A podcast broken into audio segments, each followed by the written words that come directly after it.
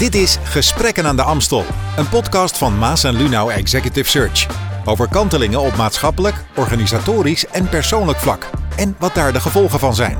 Paul van Liemt gaat elke aflevering in gesprek met een interessante gast. Met vandaag Arjan Eleveld. Hij is oprichter van Jonathan Warren, een gerenommeerd bureau voor bestuursadvies.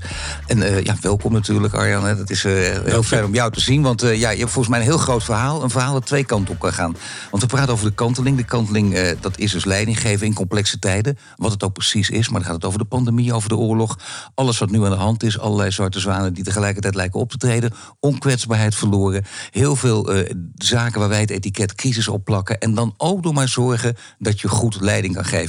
Aan de andere kant heeft het ook te maken met een persoonlijk leven. En in jouw persoonlijke leven heeft ook een flinke kanteling plaatsgevonden. Daar gaan we allebei over praten. Maar eerst even, wie is Arjan Eleveld? Wat heeft hij allemaal gedaan? Ook uh, boeken geschreven, artikelen over leiderschap, veel zelfs. Het boek Echt. En je zegt, want heel veel is niet authentiek. Daardoor is er veel wantrouwen. Met name ook ten opzichte van bestuurders. Uh, je bent psycholoog van huis uit, ook een hele belangrijke. Zal in dit gesprek ook blijken. Je bent uh, topsporter, dat wil zeggen NK speerwerpen gewonnen. Altijd leuk om te weten. Tienkampen, bobslee. Nou ja, goed, ja, dat is wel mooi. Nou, ja, Allemaal lang, lang, lang geleden. Ja, toen hebben we het gedaan. En leidinggevende functies bij Gisborkade, nu DSM, bij E.T. Kearney, KPN, beursgang meegemaakt door de opsplitsing-directeur bij LTP. En dat is een HR-adviesbureau. Nou, het leukste is wel, denk ik, even die naam. Want die vergeet ik steeds weer. Dan, dan, dan zit ik op mijn fiets of ik, ik sta onder de douche. En dan denk ik, oh ja, ik heb het gelezen, ik weet het. En ik vergeet het toch, Jonathan Warren. Maar ik denk, ik moet het in ieder geval even aan jou vragen. Waar heb je die naam vandaan gehaald? Ja, Jonathan Warren is, een, uh, is niet één persoon. Het is eigenlijk twee personen. Um, uh, die, die de naamgevers zijn van het bureau, toen opgericht in 2003. Uh, vanuit de behoefte om um, teams en met name ook bestuurlijke teams te kunnen beoordelen. Uh, wij deden het, ik was in die periode directeur van LTP, een assessmentbureau. En um, wij deden heel veel assessments, echt honderden assessments, maar eigenlijk altijd op het middenniveau of op startersniveau en niet op bestuurlijk niveau. En toen zeiden we, ja, nou moeten we toch iets voor verzinnen wat wat anders is. Um, en daar moeten we ook een goede naam bij verzinnen. Um, en toen hebben we heel lang gezocht naar een naam. En het bureau overigens opgericht samen met onze toenmalige Amerikaanse partner. En uh, de eigenaar van het bureau had net een zoontje en die heette Jonathan. En mijn derde voornaam is Warner het Drentse Warner. Oh, ja, uh, en toen bij elkaar, Jonathan Warner, klonk eigenlijk heel, wel heel goed. En we wilden ook de concurrentie aangaan met uh, al die bureaus die, uh, die op bestuurlijk niveau opereerden, met al die dubbele namen, zoals Spencer Stewart, Egon Zeenders, Russell ja. Reynolds, noem het allemaal maar op. Um, zat daar toen nog niet bij, maar, maar, ja. maar het was wel. Uh, dus, dus Jonathan Warner paste daar eigenlijk. In een mooi rijtje, dat is gewoon gelukt. Ja, een geweldige, ja, mooie, mooie achtergrond in ieder geval.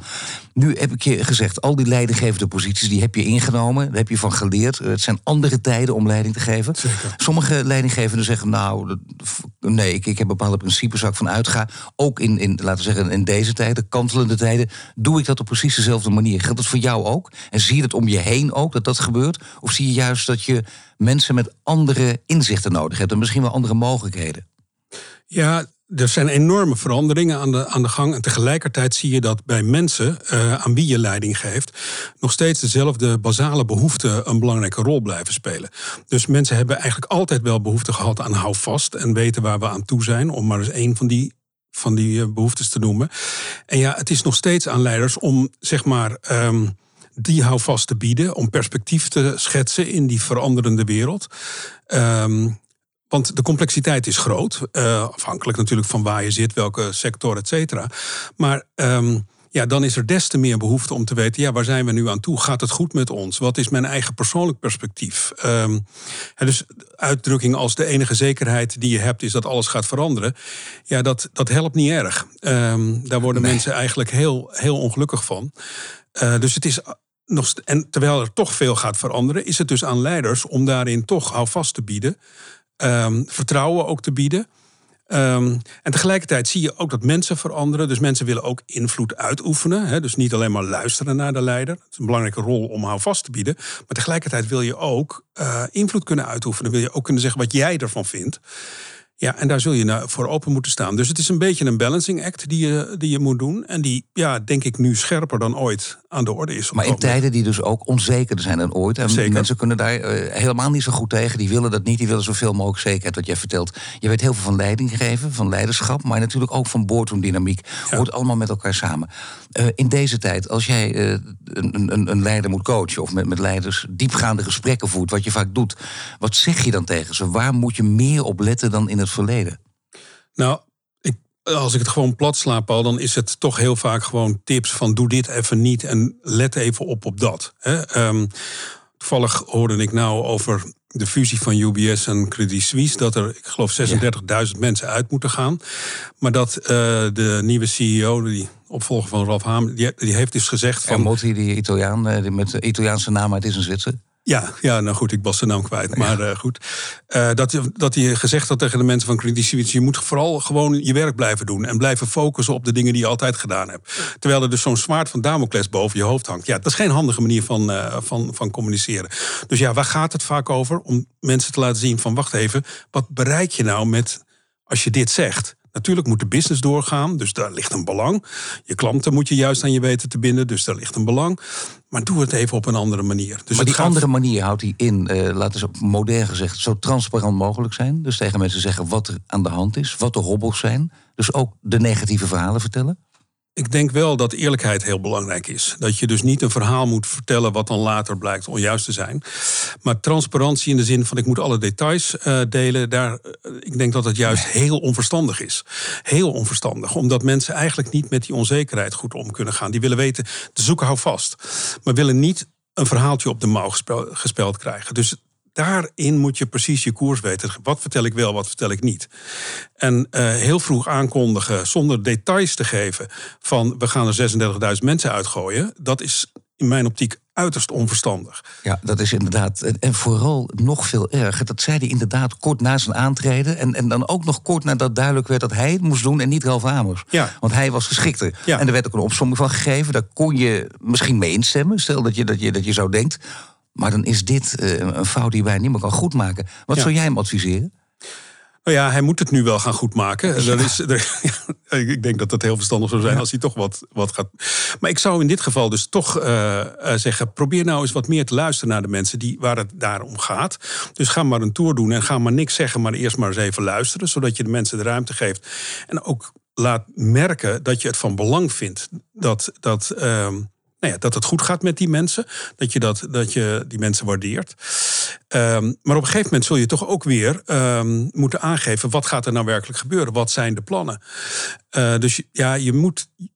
Enfin, hij heeft zich in een lastig pakket ge, gemanoeuvreerd. Maar je zult op een gegeven moment... Want ook als je gewoon een sessie gaat organiseren en zegt, nou, ik kom om te luisteren. Het eerste wat je, nou, het is goed dat u komt te luisteren, maar wat is eigenlijk precies het plan? Vertel ja. jij eerst maar eens eventjes wat we gaan doen. Ja, ja dus dat, dus daar zitten natuurlijk meteen al. Die, en daar moet je goede antwoorden voor, uh, voor hebben. En als je het niet weet, is het beste antwoord: ik weet het nog niet. Maar dit zijn juist in dit soort onzekere tijden. Is het dan makkelijker om dit soort grote veranderingen door te voeren? Want sommige mensen zeggen ja, juist wel. Het is, het is, het is, uh, dat, dat, zie je heel vaak. Het, dat heb je nu eenmaal in tijden van disruptie. Dan gebeurt er van alles. En dan zien mensen ook, ja, het is een hele grote verandering. Maar ik begrijp het, want het bedrijf van de overkant doet het ook. En het bedrijf achter mij doet het ook. We zijn niet de enige. Nee, maar ja. Uh, en of dat dan helpt, weet ik niet. Want uiteindelijk, aan het eind van de dag, denkt iemand persoonlijk van: ja, wat betekent dit voor mij? Um, en omdat er dus allerlei andere bedrijven ook aan het reorganiseren zijn, gaat dat dan niet ten koste van mijn perspectieven.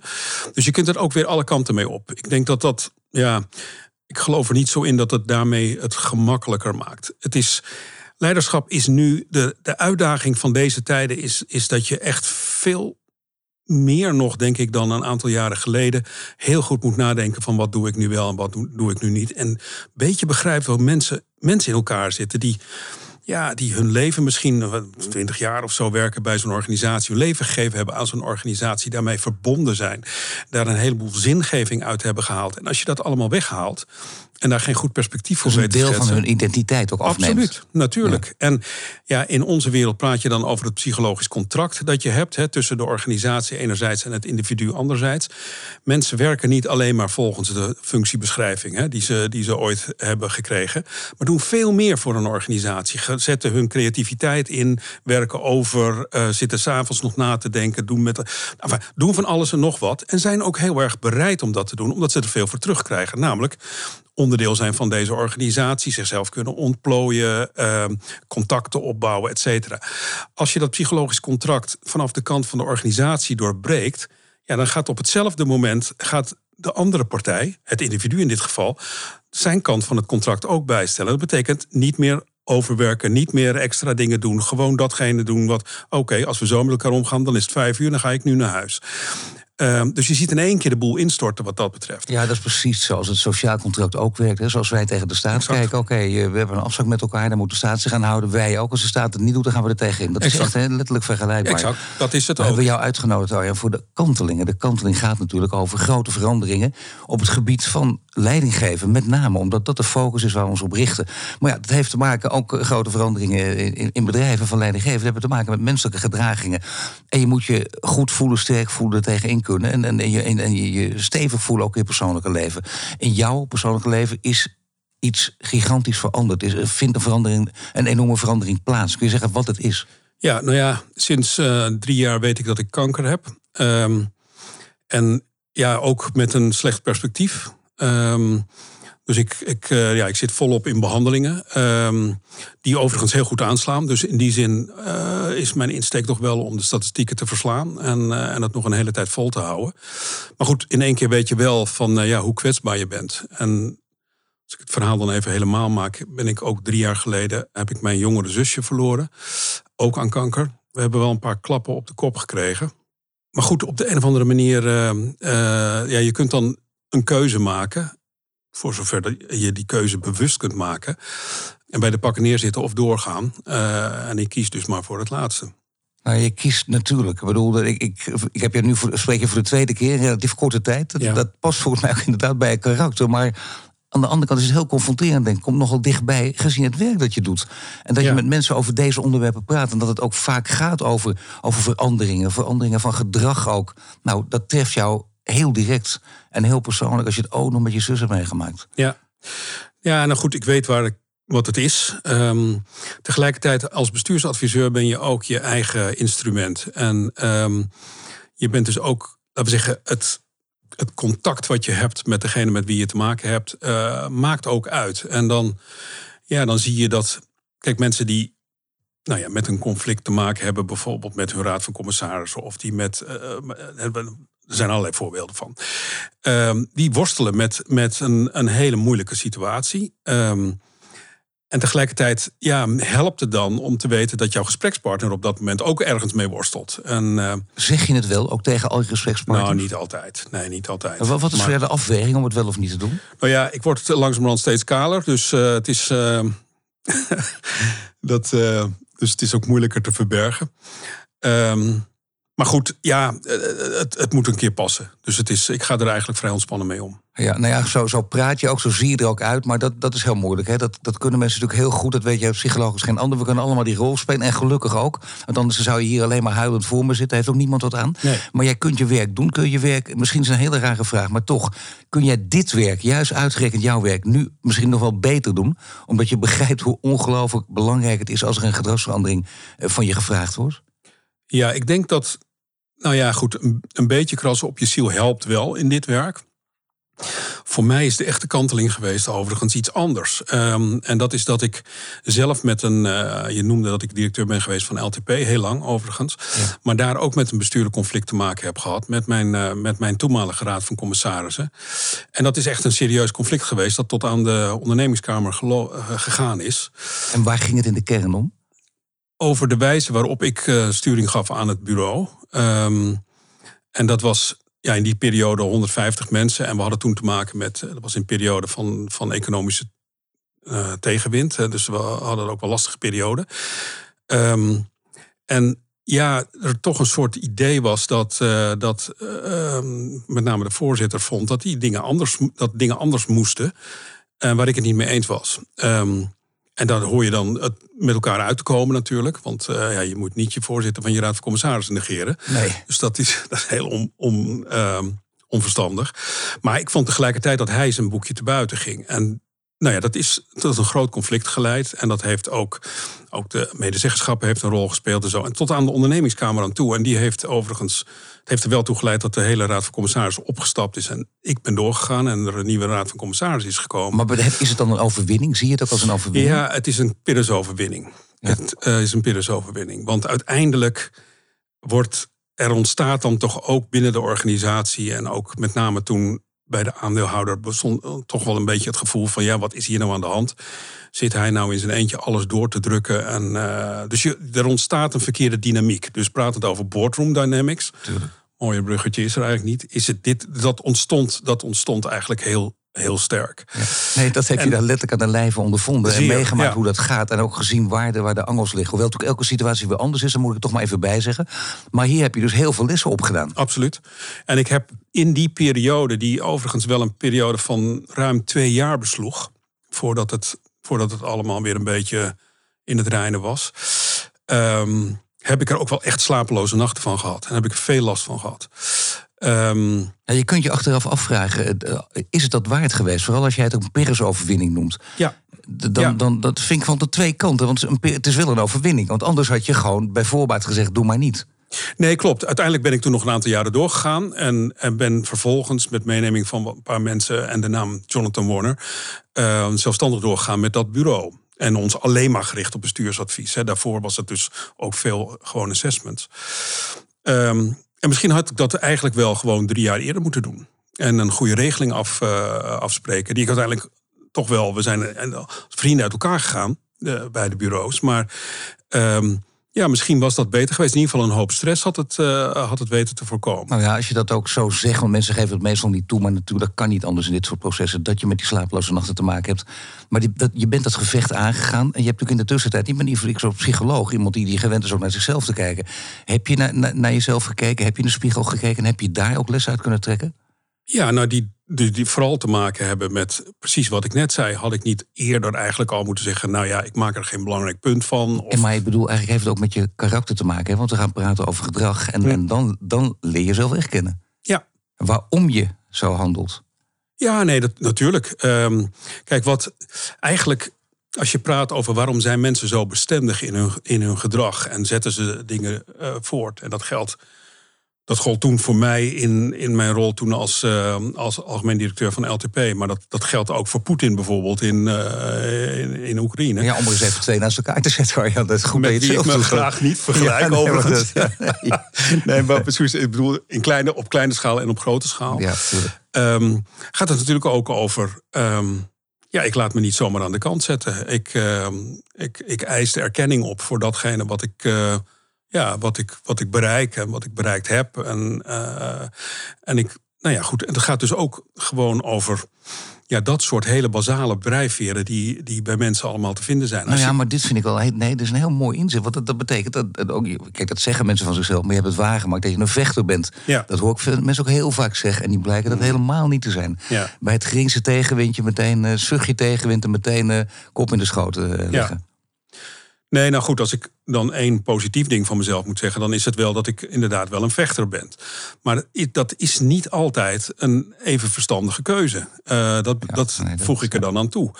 Um, kijk, in de jaren daarna ben ik me enorm gaan verdiepen in, in governance. In de governance in, eh, nou ja, op, op alle mogelijke manieren bij organisaties in Nederland. En ik adviseer daar nu ook over. Um, en soms moet je dan ook zeggen: wacht even, ga hier het gevecht nou maar eens even niet aan. Want uiteindelijk uh, zijn je verliespunten veel groter dan je winstpunten. En je doet het eigenlijk alleen maar om je, om je ego, om je persoonlijk, om je, ja, je persoonlijk gevoel van, van uh, krijg ik wel de erkenning die Als ik jou goed begrijp, dan moet je dus gewoon, dan, dan zeg je dan tegen, in dit geval zeg je dan, kijk gewoon rationeel naar de effecten van je handelen. Ja. Ja. Dat snap ik, maar dan, dan kan het emotioneel nog eh, behoorlijk uh, ja, in je blijven zitten. Ook al zijn de effecten minder, dat kan toch ook door elkaar heen lopen? Absoluut, maar, en dat loopt ook door elkaar heen. Dat blijft ook door elkaar heen lopen. Als mensen een wrok uh, koesteren, dan kun je zien dat dat soms jarenlang aanhoudt. Ehm, en jarenlang praat het over de ingewikkeldheid soms van boardroom dynamics. Jaren later kunnen ze opeens weer dingen boven water komen. Dus je denkt van wacht even zeg, dat hebben we toch al lang achter de rug en behandeld en gedaan. En toch blijft dat een rol spelen. En dat komt omdat die, ja, ik noem dat de fundamentele drijfveer of de fundamentele behoeften van mensen, die, die kun je niet uitschakelen. Die zitten er dus bij mensen. Nou ja, goed, maar daar heeft de een, de een toch meer last van dan de ander. Want dit zijn echt de slechtste relaties ongeveer. Hè? Waarvan de een echt weet, ik weet nog wat jij twintig jaar geleden. Ja. En als je dat, eh, dat, dat is thuis al niet prettig, maar dat is in, in de werksfeer niet te doen. Dat, Nee. is, dat is echt onmogelijk. Dan moet er ingegrepen worden. Wat, wat, wat voor les heb je daar dan weer uitgetrokken? Want kijk, je, hebt- je hebt nogal wat meegemaakt. Ik bedoel, dit is een echt op werkgebied een kanteling. Op persoonlijk gebied een, een vreselijke kanteling. Daar kun je he- messcherp van worden. Dat zou Ja. nog kunnen. En, en nog veel duidelijker en directer tegen mensen zijn. Is, is, dat, is dat wat er bij jou uitgekomen is, of niet? Nou ja, ik ben. Ik Nou ja, jij hebt dat ooit ik, een boek echt geschreven Ja. over authentiek. Dan denk je er zo heel lang over na. En je weet ook als je echt authentiek bent, dat je ook, ja, daar, daar gaan mensen voor de hoofd stoten. Ja. Want dan zeg je eerlijk wat je van iemand vindt en dat moet je niet altijd doen. En mijn vraag is dan, door wat je hebt meegemaakt op verschillende gebieden, dat je denkt, ja, ik ben meer die richting opgegaan. Ja, ik ben directer geworden dan, dan ik eh, altijd was. Kijk, een van de dingen die. ehm, ik heb ook altijd wel een beetje het compromis gezocht. Hè? En een beetje, laten we, laten we niet al te hard confronteren. Ehm, en ik denk van mezelf nog steeds wel dat ik mild ben in mijn oordeel. Ehm, maar ik ben wel veel scherper geworden. Want ik heb gezien wat voor een ellende er komt van eh, zachte heelmeesters. Ehm, en ook als de governance niet deugt, als mensen, en met name dominante mensen die dwars door de governance heen eh, varen, zeg ik heb even met de governance niks te maken. Het gaat nu om de ethiek of om, eh, nou ja, weet ik veel, hè, iets wat ik toevallig aan de orde heb op het ogenblik. Ja, dat, dat zijn hele onverstandige eh, opvattingen. En daar moet je ook dan eh messcherp tegenin gaan. En dat is natuurlijk ook weer een balancing act. Want als je alleen maar messcherp bent, ja, dan, dan gebeurt er ook weer niks. Want dan wordt je terzijde geschoven. Dus Maar dan ben je iemand die zich eigenlijk voor, ja, ook heel krampachtig alleen maar aan regeltjes houdt. Dat wil je ook niet. Dat absoluut niet. Nee, zeker niet. Eh, en de governance is ook niet regeltjes, wat mij betreft.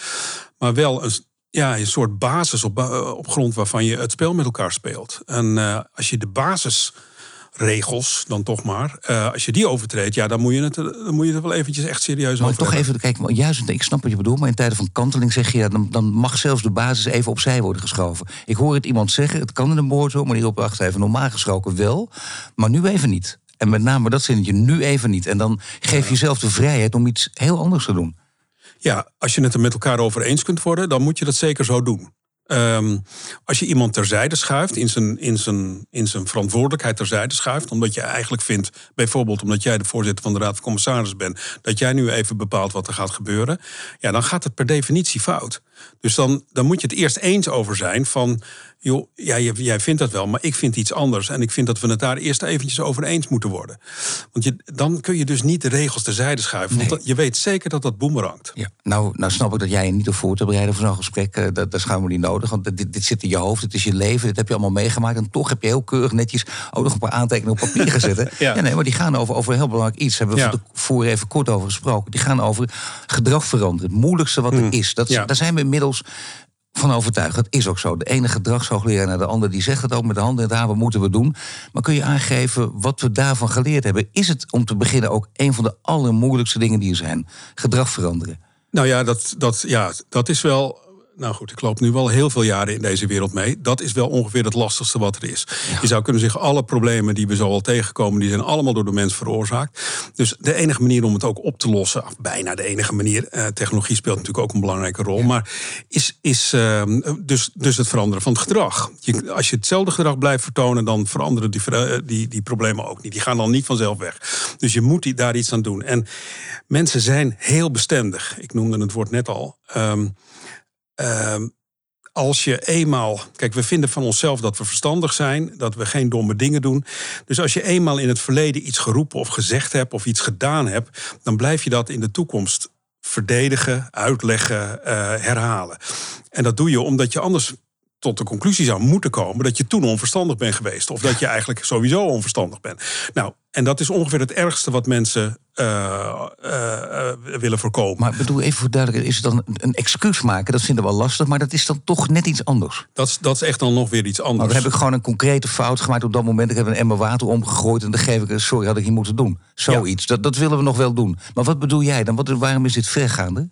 Nou, dit gaat. Kijk, als je bepaalde opvattingen huldigt. Hè, um, over hoe je je bedrijf moet leiden. Of over nou ja, wat je nu vooral ziet met complotdenkers of zo. Die dus bepaalde dingen vinden. Bijvoorbeeld dat de minister-president niet deugt. Om maar eens wat te noemen. Um, zie je natuurlijk nu veel. Dus dat betekent dat als je dat vindt. en je hebt dat hardop uitgesproken. en je hebt dat een heleboel keren uitgesproken. Kijk, als je het voor jezelf denkt, dan is het allemaal niet zo erg. Maar als je dat hebt uitgesproken, dan wil je niet de volgende keer iets anders zeggen dan dat. Want ja, je vond dat toch. Uh, ook in het gewone publieke debat is draaien en doodzonde. Hè? Dus dat, dat, mensen doen dat niet. Dat betekent dat alles wat van de regering komt vanaf nu niet kan deugen. Want de minister-president deugt niet. Dus met als gevolg dat alles wat daar vandaan komt eigenlijk in discrediet gebracht wordt. Door allerlei merkwaardige theorieën die eromheen zitten of motieven. Of mensen weten dat heel inventief, weten daar dingen aan, een draai aan te geven. Maar goed, dat geldt niet alleen maar bij complottheorieën en over wat mensen vinden, maar ook hun gedrag. Dus als ze in het verleden zich op een bepaalde manier hebben opgesteld of iets nagestreefd hebben, dan zullen ze dat niet opeens terzijde schuiven. Dus we, zien, we zijn nu in een tijd waarin ESG heel belangrijk is geworden. Iedereen daarover praat. Maar als jij altijd een bepaalde koers hebt gevaren, is het ontzettend lastig om nu opeens op een andere koers te gaan zitten. Toch, toch kom ik regelmatig mensen tegen die echt dat toegeven dat ze nieuwe inzichten hebben verworven. En, Zeker. en dat ze het ook verkeerd hebben gezien. Vorige week sprak ik nog met iemand die zegt: naarmate ik ouder word, word ik steeds radicaler. Dat ging over de energietransitie. En die gaf gewoon toe. Die zegt: vroeger was ik daar heel conservatief en dat is echt totaal veranderd. Ik merk dat mezelf ook. Als ik bepaalde inzichten heb, dan heb ik echt. Eh, misschien is het heel naïef, maar ik denk niet, ja, soms wel, maar ook in heel veel gevallen echt niet zo moeite mee om dat gewoon toe te geven. Ja. Nee, dat, uh, en gelukkig is dat zo. Hè? Um, en je ziet dus ook wel dat er wel verandering optreedt. Het gaat langzaam. Het, het, verandert, het verandert. Er zijn een paar factoren die daar een rol in spelen. Het eerste is, het moet wel een beetje op een ont, ontvankelijke persoonlijkheidsstructuur vallen. Als, uh, we gaan niet een college persoonlijkheidsleer doen. Maar, nee, maar iemand die flexibel als beton is, dan kun je het wel vergeten. Dan kun je het vergeten. Ja. Um, mensen die een enorme behoefte aan die erkenning hebben. Um, wat ik net probeer aan te geven, dat, daar is het reusachtig lastig bij. Um, want... Je bent hoogleraar en jij bent eh, de man die de proefschrift heeft gemaakt over dit onderwerp. En daar heb je al 30 jaar wat over geroepen, dan blijf je dat roepen. Dan blijf je dat roepen. Die gaan niet opeens iets veranderen. Maar gelukkig hebben we in het verleden niet al te veel dingen geroepen over um, dat we gewoon het milieu moeten vervuilen en dat dat allemaal niet, uh, er niet toe doet. Nee. Dus dat, dat voorkomt in ieder geval dat we daarin al te star in opereren. Dus dat een beetje een ontvankelijke persoonlijkheidsstructuur helpt. Rolmodellen helpen heel erg. Um, rolmodellen, mensen bij waar je je eigenlijk wel mee wil afficheren of bij wil horen.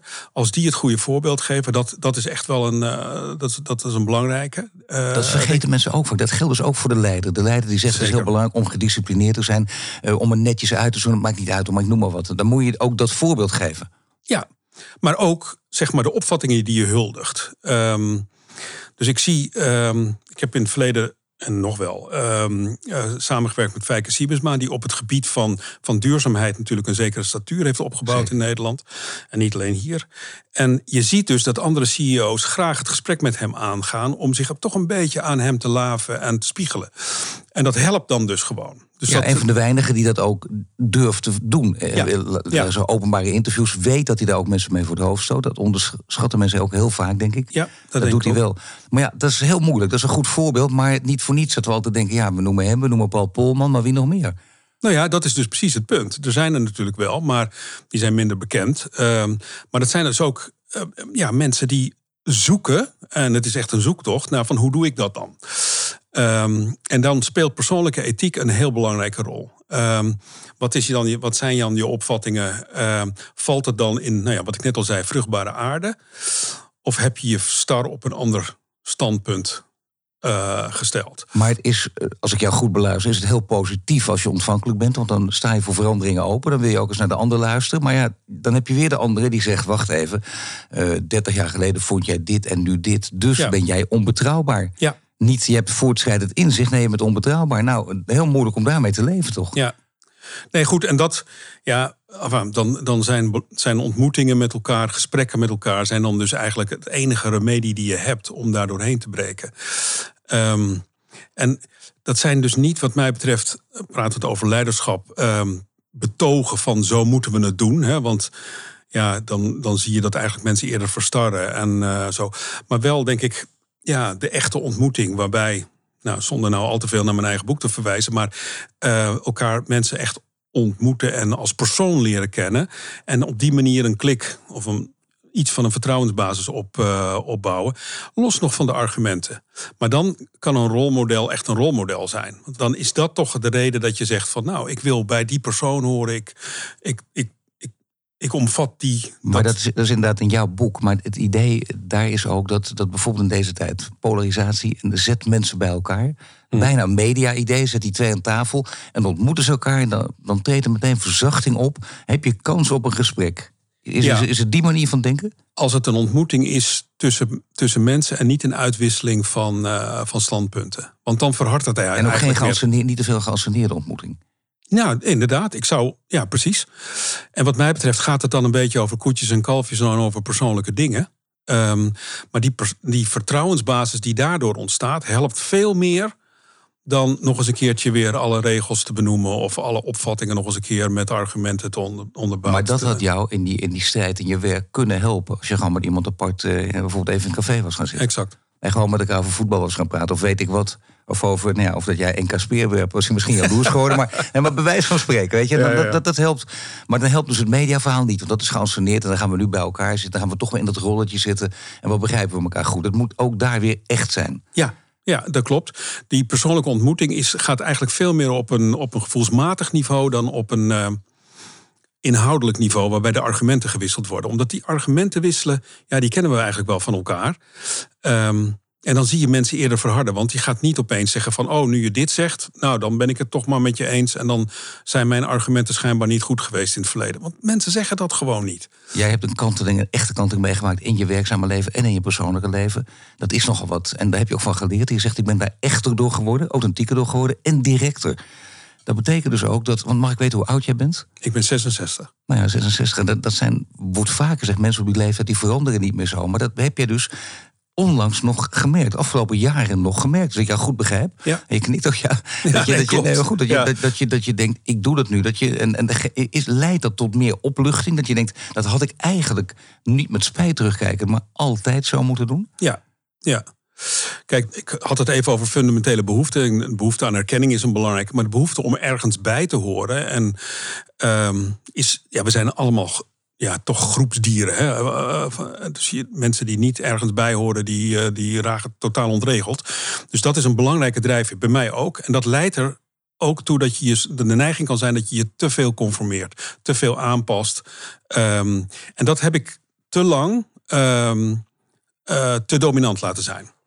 En dat, uh, als ik nou terugkijk, dan denk ik, ik had eerder al e- veel eerder in mijn leven had ik eh, scherper kunnen zijn, dingen duidelijker kunnen zeggen.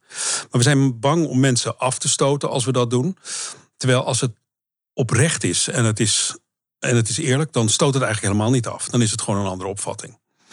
En dat is iets wat nou, niet van de laatste jaren, maar de laatste twintig jaar of zo, wat ik daar wel geleerd heb. Oh, van de laatste twintig jaar? Nee, ik wou zeggen. Ja, ja, dat is, niet, het is, ja, het is niet opeens nu sinds een jaar dat je nee, sinds twee, drie jaar. Nee, ik wou zeggen. Ja. Maar dat heeft het wel versterkt. Dat wat je in je persoonlijke leven meegaat, dat je, dat je diagnose kanker kreeg en, en niet zomaar, maar ja, voortdurend onder behandeling voortdurend wordt tegen je gezegd: je hebt niet lang meer te gaan. Dat is nog de hardste boodschap die je kan krijgen. Mm -hmm. En je bent niet daardoor nog eens extra veranderd, want die verandering had je al doorgezet. Ja, die eh, wel. Alleen aan de andere kant, ik, kijk, in mijn werk kom ik nogal eens conflicten tegen, spanningen tegen. Eh, mensen die zeggen, goh, pak ik dit nou aan? En dan helpt het wel om te zeggen: ja, nou, zo erg is het ook allemaal niet hoor. Wat, je nou, wat jij nou te maken, mee te maken hebt. Ja, nee. pak, pak nou maar gewoon door. Nou ja, Dat mag je dan ook inderdaad met recht zeggen. Dat, uh, die relativering mag en moet je gewoon kunnen maken. Nou, Arjan, ik ben zeer uh, blij met jouw gesprek, met dit hele openhartige gesprek. Ik dank je hartelijk en heel veel sterkte. Ja, dankjewel. Dit was Gesprekken aan de Amstel. Een podcast over kantelingen op maatschappelijk, organisatorisch en persoonlijk vlak. Presentatie Paul van Liemt. En mede mogelijk gemaakt door Maas en Lunau Executive Search. Volg ons in je favoriete podcastplayer voor meer gesprekken aan de Amstel.